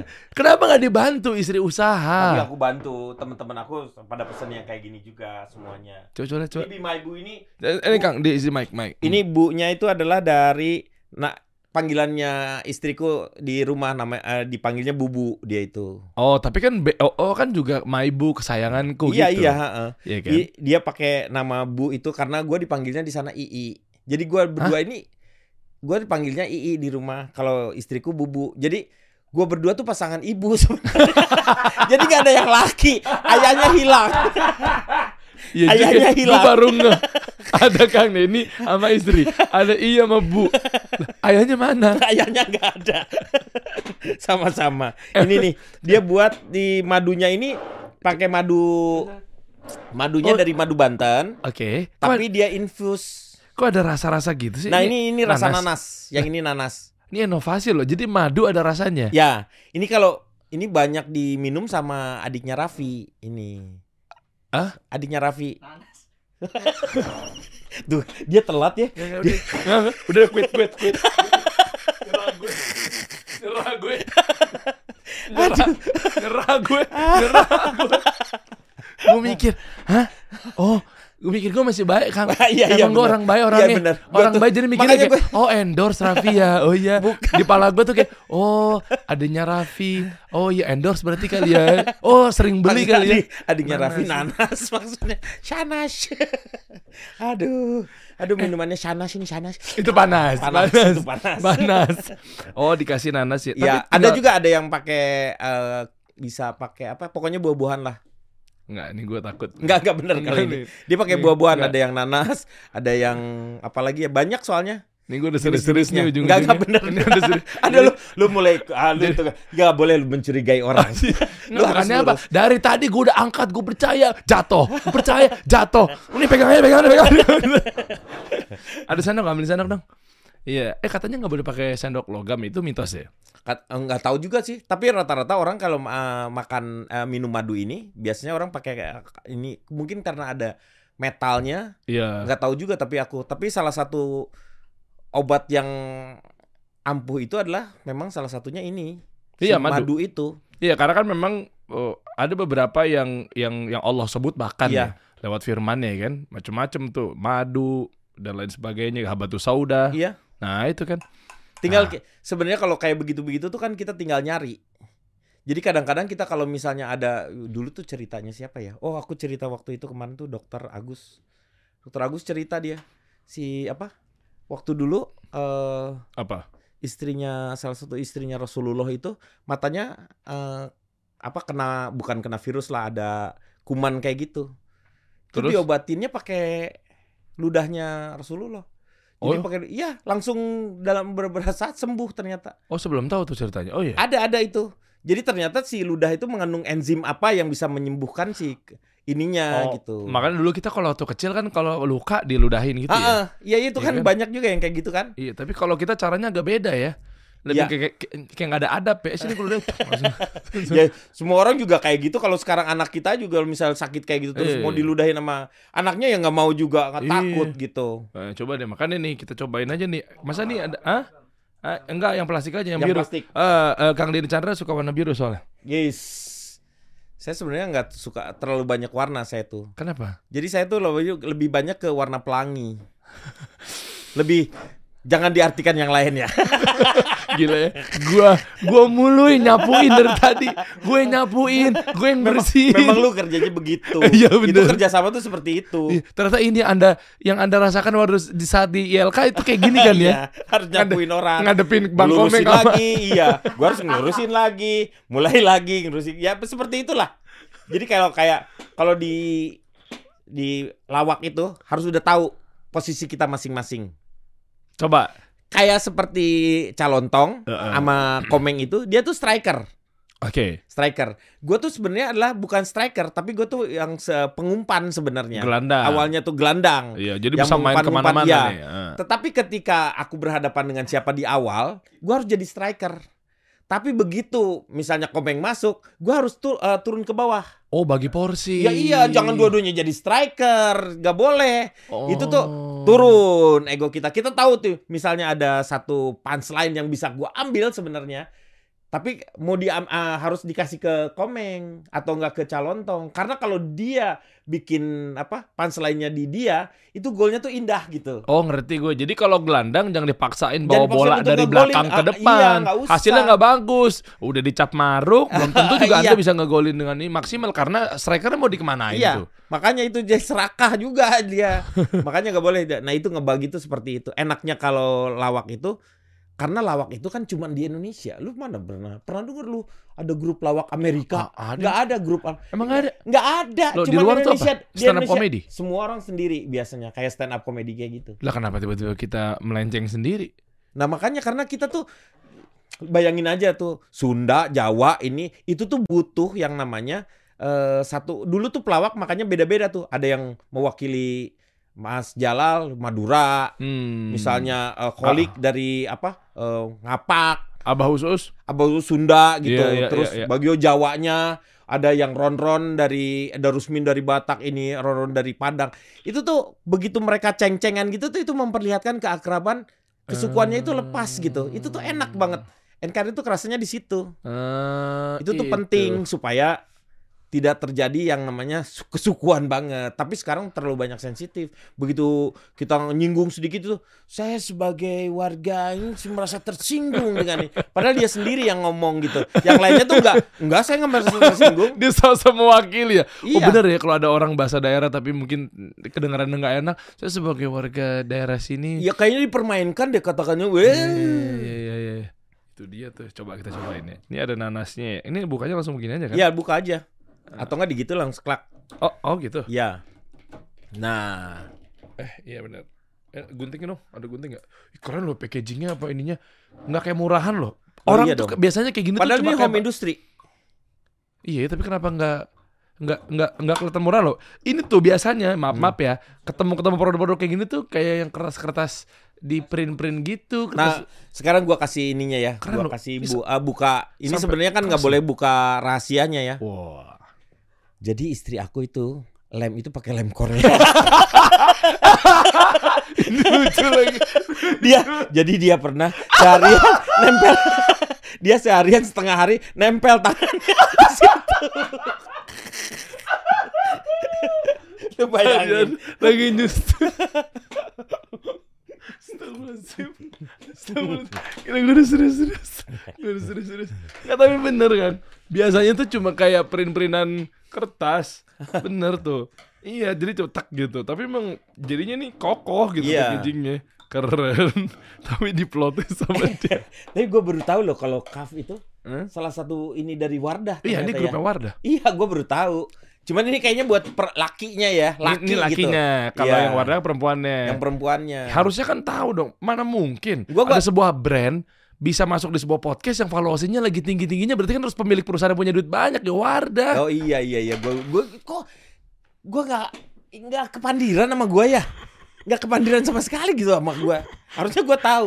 Karena masuk Nggak, kadal juga masuk kadal juga. Akal, akal. iya bener bener tapi gue pakai ininya yang buat apa? Cuci muka. Oh ternyata ini juga ke orang tua masuk ya? kurang ajar lu lah itu baru lu durhaka lu Oh anak sama orang tua. Lo nggak di soalnya buat anak muda. Enggak juga Nggak juga ya? Oh masak juga ternyata ya? cocok kok aku pakai itu terus Hmm. kan banyak eh, minyak wanginya juga yang Iya. kecil-kecil tuh Yang ada itu hitam, juga biru. bermacam ha Eh, yang hitam tuh kalau lu pengen ngerasain suasana di eh, kota eh, di, Di kota suci di Mekah, Mekah, tuh Madinah, iya. Madinah itu pakai itu tuh enak Karena dia tuh. ada oatnya. Ada kan di, di ruanganku pakai itu. oh pakai hitamnya. juga iya itu Enak itu. oat oat itu karena akar kan Iya. bukan dari lebih banyak kan parfum itu ngambilnya dari memang ada sekarang tuh udah mulai ada buah-buahan Ada. tapi oat. yang yang punya khas tuh biasanya oat itu yang oat. laki gitu Iya. Makanya cocok buat sarapan juga kan dipakai buat oatmeal kan oat gitu. Ya kan? Gua nggak ngomong gitu. Gua nggak ngomong. Lu sama pisang tuh biasanya makannya. Sok-sokan oatmeal. Nih ya cobain ya. Yap. Nih, ini bola sendok sih. Oh, pada mau cobain juga ya semuanya ya. Saya mau egois. Hah? Digituin juga nggak apa-apa, tapi apa-apa, jangan kan? dimasukin lagi itunya. iya betul. Iya, iya betul itu ya. kadang- kadang-kadang suka bikin apa sih asem atau apalah gitu tak nggak tahu aku karena sudah ber dengan mungkin dengan apa air air ludah kita itu tuh Ah, makanya jadi nggak boleh gini aja udah. nah gitu udah udah gitu langsung dikasih Pak. Nah, nah udah si- gitu. Habis itu minumnya yang yang kanan apa yang kiri? Lu- kalau yang kiri lu kebanyakan minumnya gimana sih yang sendok lah yang punya sendok siapa tuh empu sendok punya sendok, iya punya sendok punya. Nih sini. ntar bikin keris lu di situ Coba ya sini. Ah, nah gitu Bismillah. Eh iya bener ya kan Ada nanas-nanasnya. iya iya supaya orang-orang yang tidak ini terlalu Iya. pakai Ini buat anak-anak cocok. Iya. Jujur teman-teman. Buat Eh, saya anak-anak punya anak bener. tiga. Ya memang hobinya kali atau mungkin kesukaannya kan kita nggak bisa batasi ya. Tiga ini kalau misalnya memang ada yang belakang ini kan kadang kemarin sempat ramai batuk pilek yang polusi Ah, udara iya, lagi hmm. ini kan Jakarta. Satu tiga, sa- anak pertama sama anak ketiga tuh demen banget madu. Ya suka lah intinya Ah. begitu. Jadi kan kami salah satu upayanya kan nggak yang dimudahkan dikit-dikit obat-obat kimia Ah, lah ya. iya. Ini gitu. Nah, ya ayo udah paling gampang anak-anak madu kan. Hmm. Karena kalau yang lainnya ya apalagi mungkin herbal-herbal yang lainnya batu sauda mungkin masih ada rasa pahitnya Iya. misalnya. Ya udah madu satu tiga tuh suka. Nah nggak tahu kenapa sampai sekarang dua nih emang agak pemilih nih. Kok milih gimana sih? Dia madu kan hampir sama aja Nah. rasanya. Nah, Hmm. nah dia makanya kalau kayak gitu saya juga nggak tahu bukannya madu mirip-mirip dan ya cenderung manis kan. Ya, Harusnya anak-anak suka, cuma kayaknya anak-anak udah terbiasa manisnya tuh yang dimaksud dengan manis permen, Ya. pemanis buatan dan seterusnya. Jadi ketika manis yang kayak gini mungkin agak bingung nih. Ya nggak tahu lah ya, harusnya juga nomor tiga juga yang paling kecil kan, tapi tiga malah suka. Nah dua ini, nah berarti ini ada solusi buat anak-anak yang eh, upaya orang tuanya pengen madunya susah, Nah, pakai ini salah satunya. Iya. Itu sama dengan sebenarnya itu pengambilan dari Enak, obat dari obat batuk juga. Itu semuanya kan ada obat batuk rasa stroberi, Iya, iya. obat batuk rasa jeruk. Karena memang pendekatan supaya anak-anak bisa Itu, masuk betul. dalam. Nah, makanya saya pers- sempat mikir lah, kenapa madu nggak digituin? Heeh. Kirain mungkin jangan-jangan nih susah kali teknologinya nggak ngerti. Apakah sekedar dicampurin nanas doang, tapi nyatanya kan mungkin siapa tahu nggak ngaruh. Ada Iya. rumus-rumus tertentu. Nah, boleh tahu nggak eh, ini kira-kira ingredientsnya apa? Soalnya saya mau bajak buat ngancurin usaha ini. Ba- Sa- lu salah ngomong ke gua. Karena gua tuh nggak tahu apa-apa. Orang tadi lu bantuin aja enggak. Gimana mau tahu ingredientnya mau seperti apa? Tahu-taunya udah dicampur aja. Disimpan dulu berapa lama gitu. Iya. Oh, di apa namanya? di in- infuse itu kayak gitu tuh. Oh, ini infuse ya? iya infuse itu. Oh, bukan buah sari nanas diperes, masukin, udah kemas jual. ya, ya itu di apa dibuat dulu seperti itu nanti disaring lagi udah sisanya apa si nanas yang itu dibuang nantinya Oh bukan bukan asal kayak nanas diparut, peres harinya cemplungin, dah oh jual. enggak enggak Oh ada ada ada kayak di. Iya ditunggu fermentasi gitu lah ah, kayak ya. ah. Ya itu kan dibuat Oh. berapa hari baru kan nempel tuh jadinya lama, jadinya udah bersatu dia. Oh. Jadi kalau misalnya sekarang lu udah yang namanya apa? dijodohkan paksa tuh apa namanya? Eh dijodohin, dijodohin satu dengan yang lain tapi nggak kenal tuh namanya taruh. ta'aruf. Kan ta'aruf itu kan nggak langsung ta'aruf lu langsung nikah, nggak. Harus ada perkenalan dulu dia tahu dengan sini, jangan di- mau juga dikawinin seperti itu. Nah, ini juga sama. Jadi butuh proses dulu untuk ngeblend itu butuh waktu begitu supaya dia ngeblend. Filosofi gua kan aneh-aneh ya. Ana- analoginya apa sih ini gitu? gua nye- maksa aja biar masuk. Gua nungguin. ini ke mana arahnya ya? Tapi nyambung. Nyambung. Tapi nyambung. Eh mau sendok lagi dong. Beneran enak deh. Kalau ini kan udah bisa. Gue pengen kayak gini tapi saya kalau di rumah biasanya asal aja ntar istri saya suruh ngepel. Kalau di sini, kalau di sini kan ruangan saya. Iya. Saya nggak mau aja berantakan. Dan Kamu yang harus beresin sendiri ya. Tapi bisa nggak sih diginiin? Ah gini aja deh. Ini boleh kecemplung logam ya? Udah deh. Kalau jujur saya pernah baca penelitian salah satu dosen apa profesor di IPB. Hmm. Maaf kalau salah ya. Dicek aja di Google. Ada yang bilang katanya beliau mengatakan mitos. Mitos. Logam kena madu, ya terserah lah kalau teman-teman masih ada menganggap seperti itu. Jadi itu kalau udah kalau udah mitos kan nempel di orang tuh udah lama. Jadi dipercaya Iya. udah begitu lama ternyata secara penelitiannya tidak seperti itu. Iya. Nah kalau anda ada di pemahamannya mana madu ketemu logam, stainless? Aku tuh nggak pernah memikirkan terse eh, apa? Wih, keren. Nggak pernah mikirin kayak mau ini ini, masuk aja.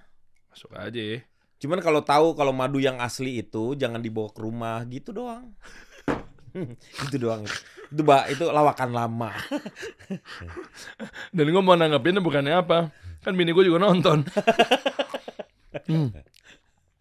Enak. Iya anak kalau anak-anak Mm-mm. pasti suka ini. Iya, dan ada khasiatnya masalahnya. Mm-mm. Soalnya kalau yang katanya di luar sana bilang nanas nanas nanas, tapi takutnya eh, iya di luar sana pasti kan pakai pakai perisa doang. Iya itu yang paling bahaya tuh pemanis buatan. Ha. Ini nggak ada begitu-begitu kan? Enggak, ini kalau ini nanasnya beneran, nanas beneran masuk ke situ. Apa? Adanya Raffi lagi masuk Enggak sini. nyemplung kalau di ini mah nyemplung beneran beneran itu. Beneran bukan adanya Iya. Raffi masuk kan? Enggak lah beda. Hmm. Anak-anak. Dan madu udah tahu lah teman-teman ya khasiatnya luar biasa. Ya kan, Oh, apalagi di madu sih. musim-musim kayak sekarang ini kan kemarin polusi. Kita nggak tahu lagi ke depannya seperti apa. Oh, ini Badan kita kan Iya. ini rentan banget nantinya. eh boleh sedikit cerita tapi jangan dibilang sombong ya maksudnya saya kan Oke. lumayan kumpul Oke, iya. meeting sama para menteri-menteri kemarin. Oh, iya iya iya. Jadi Bu Sri Mulyani bilang, Hmm. sekarang udah ada hati-hati El Nino. El Nino. Ya. Badai? eh dia bentuknya saya takut salah lagi penyebutannya. Jadi El Nino itu eh, istilahnya nanti akan kemarau panjang, krisis pangan, panen. musibah. Jadi eh coba buka I- Ibu Sri Mulyani deh. El Nino, El Nino, ya, El Nino. eh, di captionnya aja. Jadi eh, suhu muka lautnya itu Hmm. naik lah kurang lebih begitu. Eh, saya takut salah jadi saya hati-hati aja ngomongnya. Berdampak Silakan Anda. terhadap Oh, nantinya tuh iklim. kemarau panjang. Iya, kan? hujannya susah. Mm-mm. ke situ tuh. Nah, artinya kalau musim kemarau panjang kan pasti kan nanti kan kita kering, radang apa Iya, segala betul. macam. Makanya sekarang udah mulai teman-teman nih daripada kita nanti memperhambat produktivitas dalam bekerja berkarir, solusinya madu aja tuh. Apalagi di sini tuh tulisan. Iya. Fruity Pina Infused Honey. Ah. Pokoknya hidupnya tuh nanti tuh kita bakalnya cuma tiga sebenarnya. Yang pertama adalah ilmu, Heeh. terus imun, iman. Udah itu aja. Wish. Ilmunya kita udah dapat, itu imun eh, imun juga kita tahan dengan masukan dari orang yang lainnya, eh. sama imannya kita kuat. Ya udah itu mantap. Wish. Ilmu, imun, sama iman. Udah.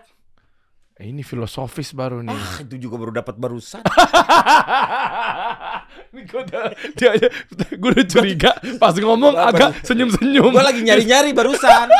Gua apa ya gue cari iman, imun, ilmu kayak gitu. biar nyambungnya Iyalah. ii semua ya. Lo kalau motivator bener dia udah mempersiapkan. Kalau gua kan motif kotor. Gua motif gua mah kotor-kotor aja. Bukan Bukan faktor, motivator. kotor. bukan. Motif kotor. In- Instagram, Instagram Sri Mulyani. Eh di sini juga bisa sih. Tuh, lihat coba buka ketik. Nih, tuh. Bayangin. Lihat. Beliau akan mengatakan bukan akan sudah bahkan ya di itu tuh, Instagramnya itu. Iya kan, soalnya cocok nih daripada kita terbiasa dengan mungkin kimia-kimia ya, atau bahan-bahan yang aneh-aneh. Pakai madu. Kenapa? Karena kalau nantinya kemarau panjang, krisis pangan, itu kan ngaruh tuh. Mungkin eh, susah hujan, Iya. kan jadi panas. Bayangin kalau panas kan mungkin Perubahan cuaca itu wah perubahan cuaca loh. Ke tubuh kita juga berpengaruh. Oh iya, nah ini untuk ningkatin daya tahan tubuh nih madu nih apalagi sekarang gak usah khawatir. Jadi meskipun kemarau panjang misalnya nanti kita nggak tahu Ah. kan, kita kan ya kodarullahnya seperti apa hasil takdirnya. Tapi intinya kan kalau takutnya madu-madu-madu doang yang rasanya original kan akan jenuh juga ya. Mendingan yang ada Ada rasa-rasa. rasanya ini. Keren. Betul. Ah enggak enggak terbaru terbaru. Yang Yang di atas berarti. di atas bawa bawa bawa bawa bawa, bawa. Yang ah ini ini ini, ini kanan. Nah, tuh para menteri pada ngomongin El Nino oh, tuh. ini El Nino. tuh ini. lihat, lihat tuh. Tuh lihat, nggak ada sayanya kan? Lo katanya lu ada di situ. Eh, acara yang berbeda. Setelah ada di situ baru Ngapain diomongin ya? Ngapain? Eh, coba coba lihat, lihat. IG, IG, IG yang tadi, yang tadi foto, foto, foto. yang barusan. Ya, ya, nggak yang itu. foto kiri, kiri. Eh, itu, itu, tuh, klik. Tuh, itu ada Pak Zulkifli Hasan kan? Betul, ini Iya, nah, Ya, itu- Ibu. Betul. Nah, Oh, ini menteri semua ini. menteri semua. Tuh, yang saya pernah ngobrol, Pak Yasin Limpo mana? Nggak ada di sini. Ini belum ada nih ya. Ada wamennya, ada wamennya. Ada wamen. Itu wakilnya beliau. Iya, iya, iya, iya. Kalau menterinya kan siapa tahu memang kan lagi berobat, lagi lagi sakit. keluar, lagi keluar nih. nggak usah dikasih tahu luar Iya. negerinya. Gue bilang berobat, dikasih tahu. Udah balik tapi. Udah udah pulang, Udah, pulang. Jadi orang-orang jangan suzon lah, katanya mau kabur atau apa. Udahlah, ya. Eh, enggak, enggak. Gak usah suzon. Beliau lagi berobat. Nah, itu wakilnya ada, wakil Menteri Pertaniannya ada. Hmm. Pak Bas, Bu Sri Mulyani, Pak Erlangga, Pak Tito Karnavian, Hmm. Pak eh, Listio Sigit ah, Kapolri. Kapolri karena terkaitan nanti nih penjelasannya bagus deh. El Karena- Nino. Hmm?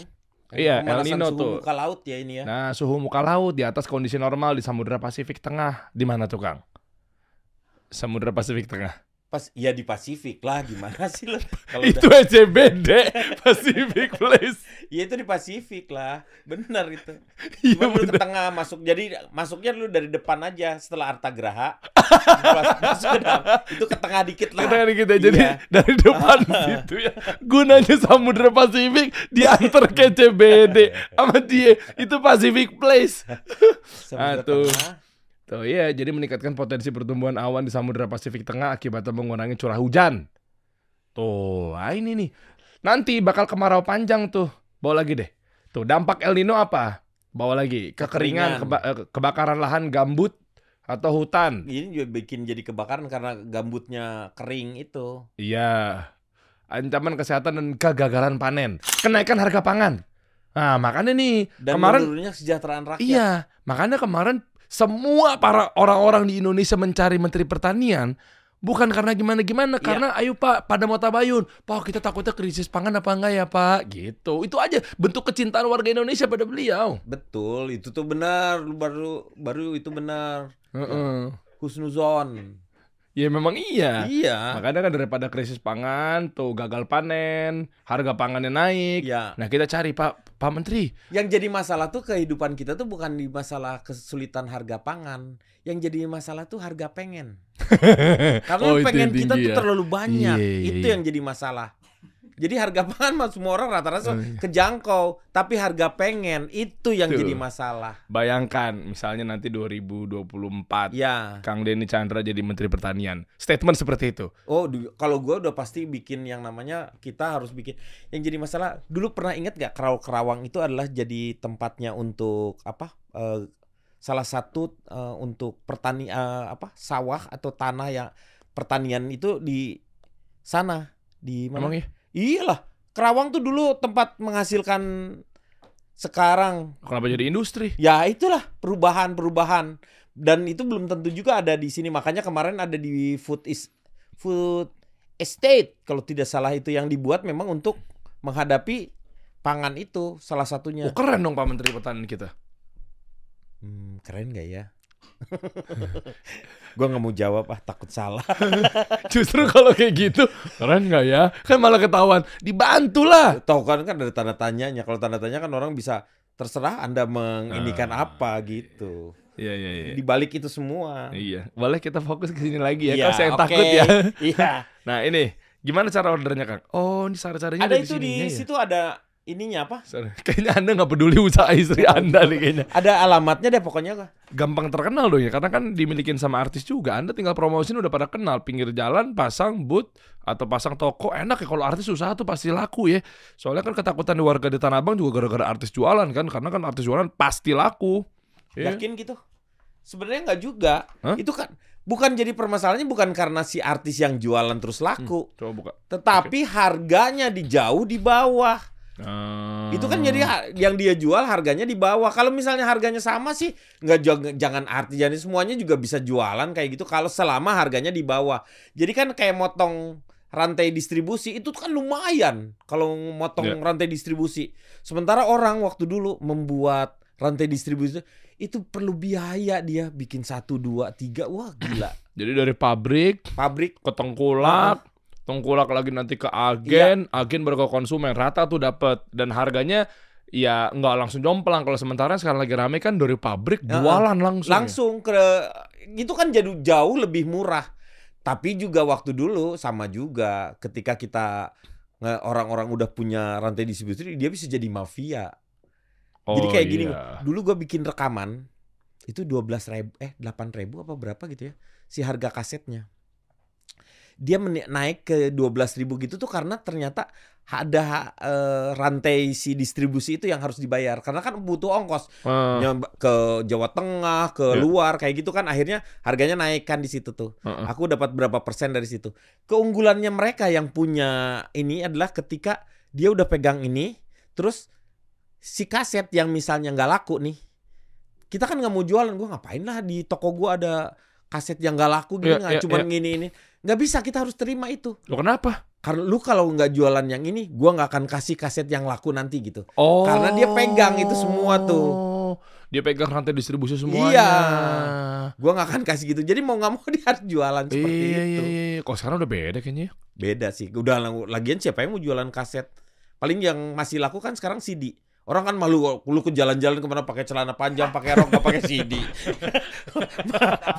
malu lah. Gila ya.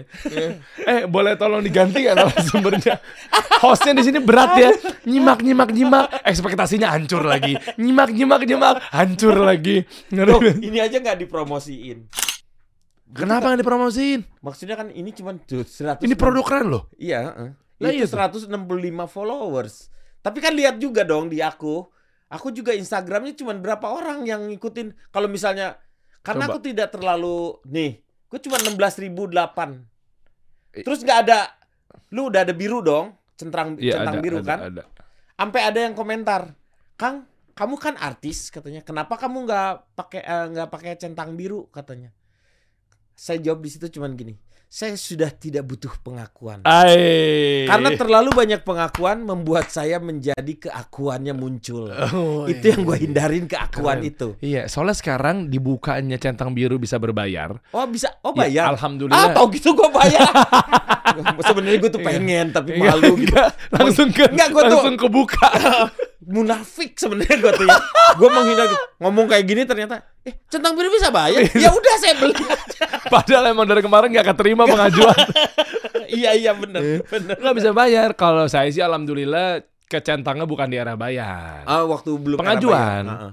Lah sekarang tuh bisa bayar. Iya. Tadinya Eh, tadinya saya bisa masuk ke centang biru tuh diakui karena pakai link media yang pernah ada saya tampil di Indonesia Lawak Clubnya. oh gitu hebat Eh, juga. lu. Hebat kan? Padahal bintang tamu tuh. Anda punya acaranya padahal ya. Tapi gue terlalu gak terlalu suka medsos soalnya. Iya, nah itu bisa diajuin 100 berapa ribu per bulan? 160 ribu ya per bulan. 160 ribu per bulan. Iya, itu buat langganan centang biru karena banyak yang pengen diakui. Oh ya udah kalau gitu gua nggak usah satu yang handphone aku yang satu nggak usah langganan kuotanya bisa aja mendingan kesiniin ya. itu bukan langganan bukan ya? kuota. bukan langganan kan, kuota. gua Langganan centang sama Iya. Instagram. Jadi bayar langsung ke Instagram.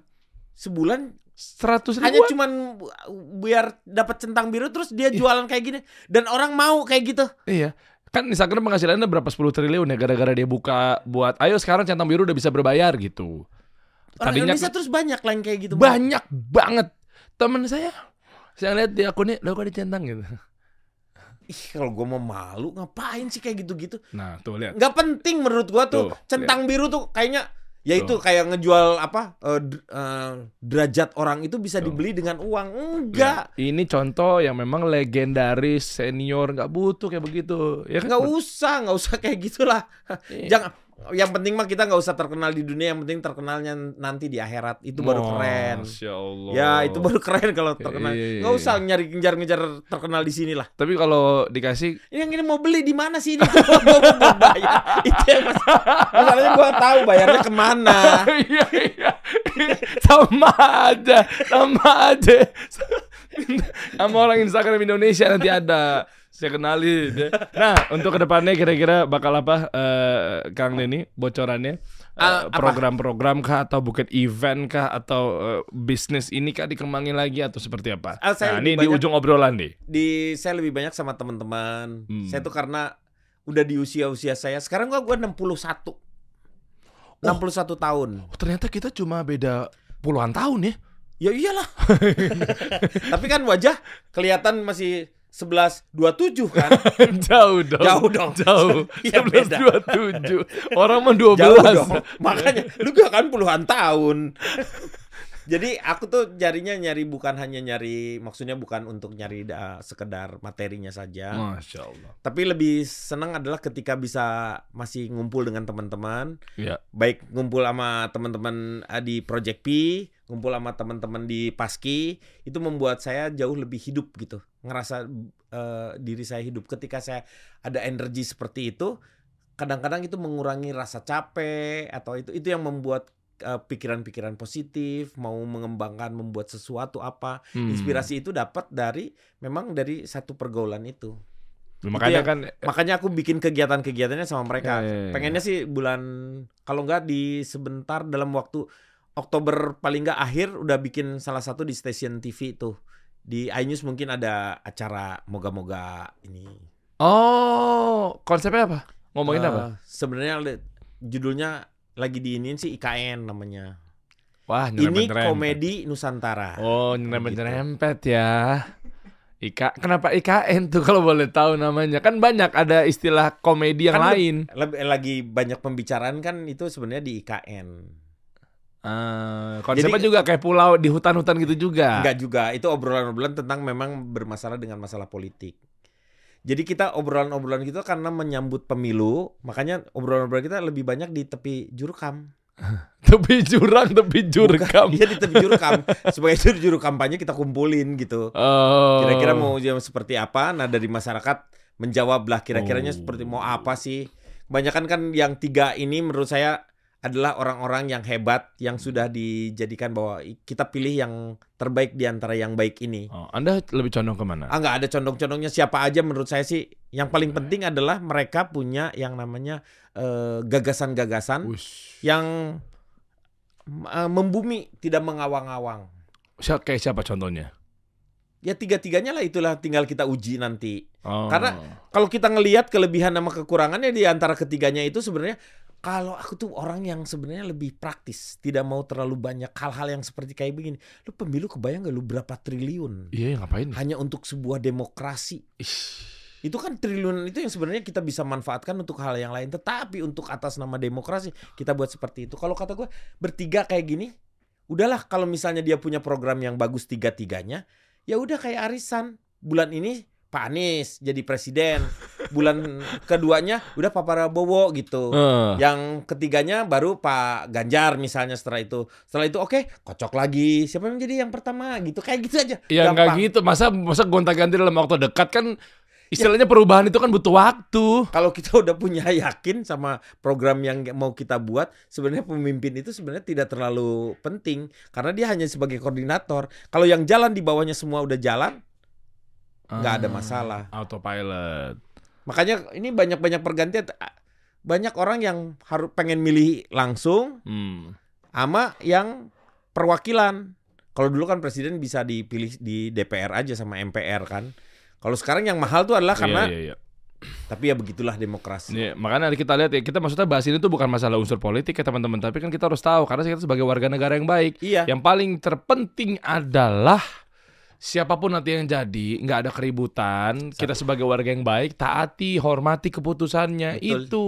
dan jadikan pemilu itu betul-betul pesta demokrasi. Jangan jadi pesta itu kita harus gembira lah, ceria gitu. Hmm. Dari jadi memilih sa- saya yakin satu dengan ti, eh, dua dan tiga. Ini agak berbeda ya mungkin ya.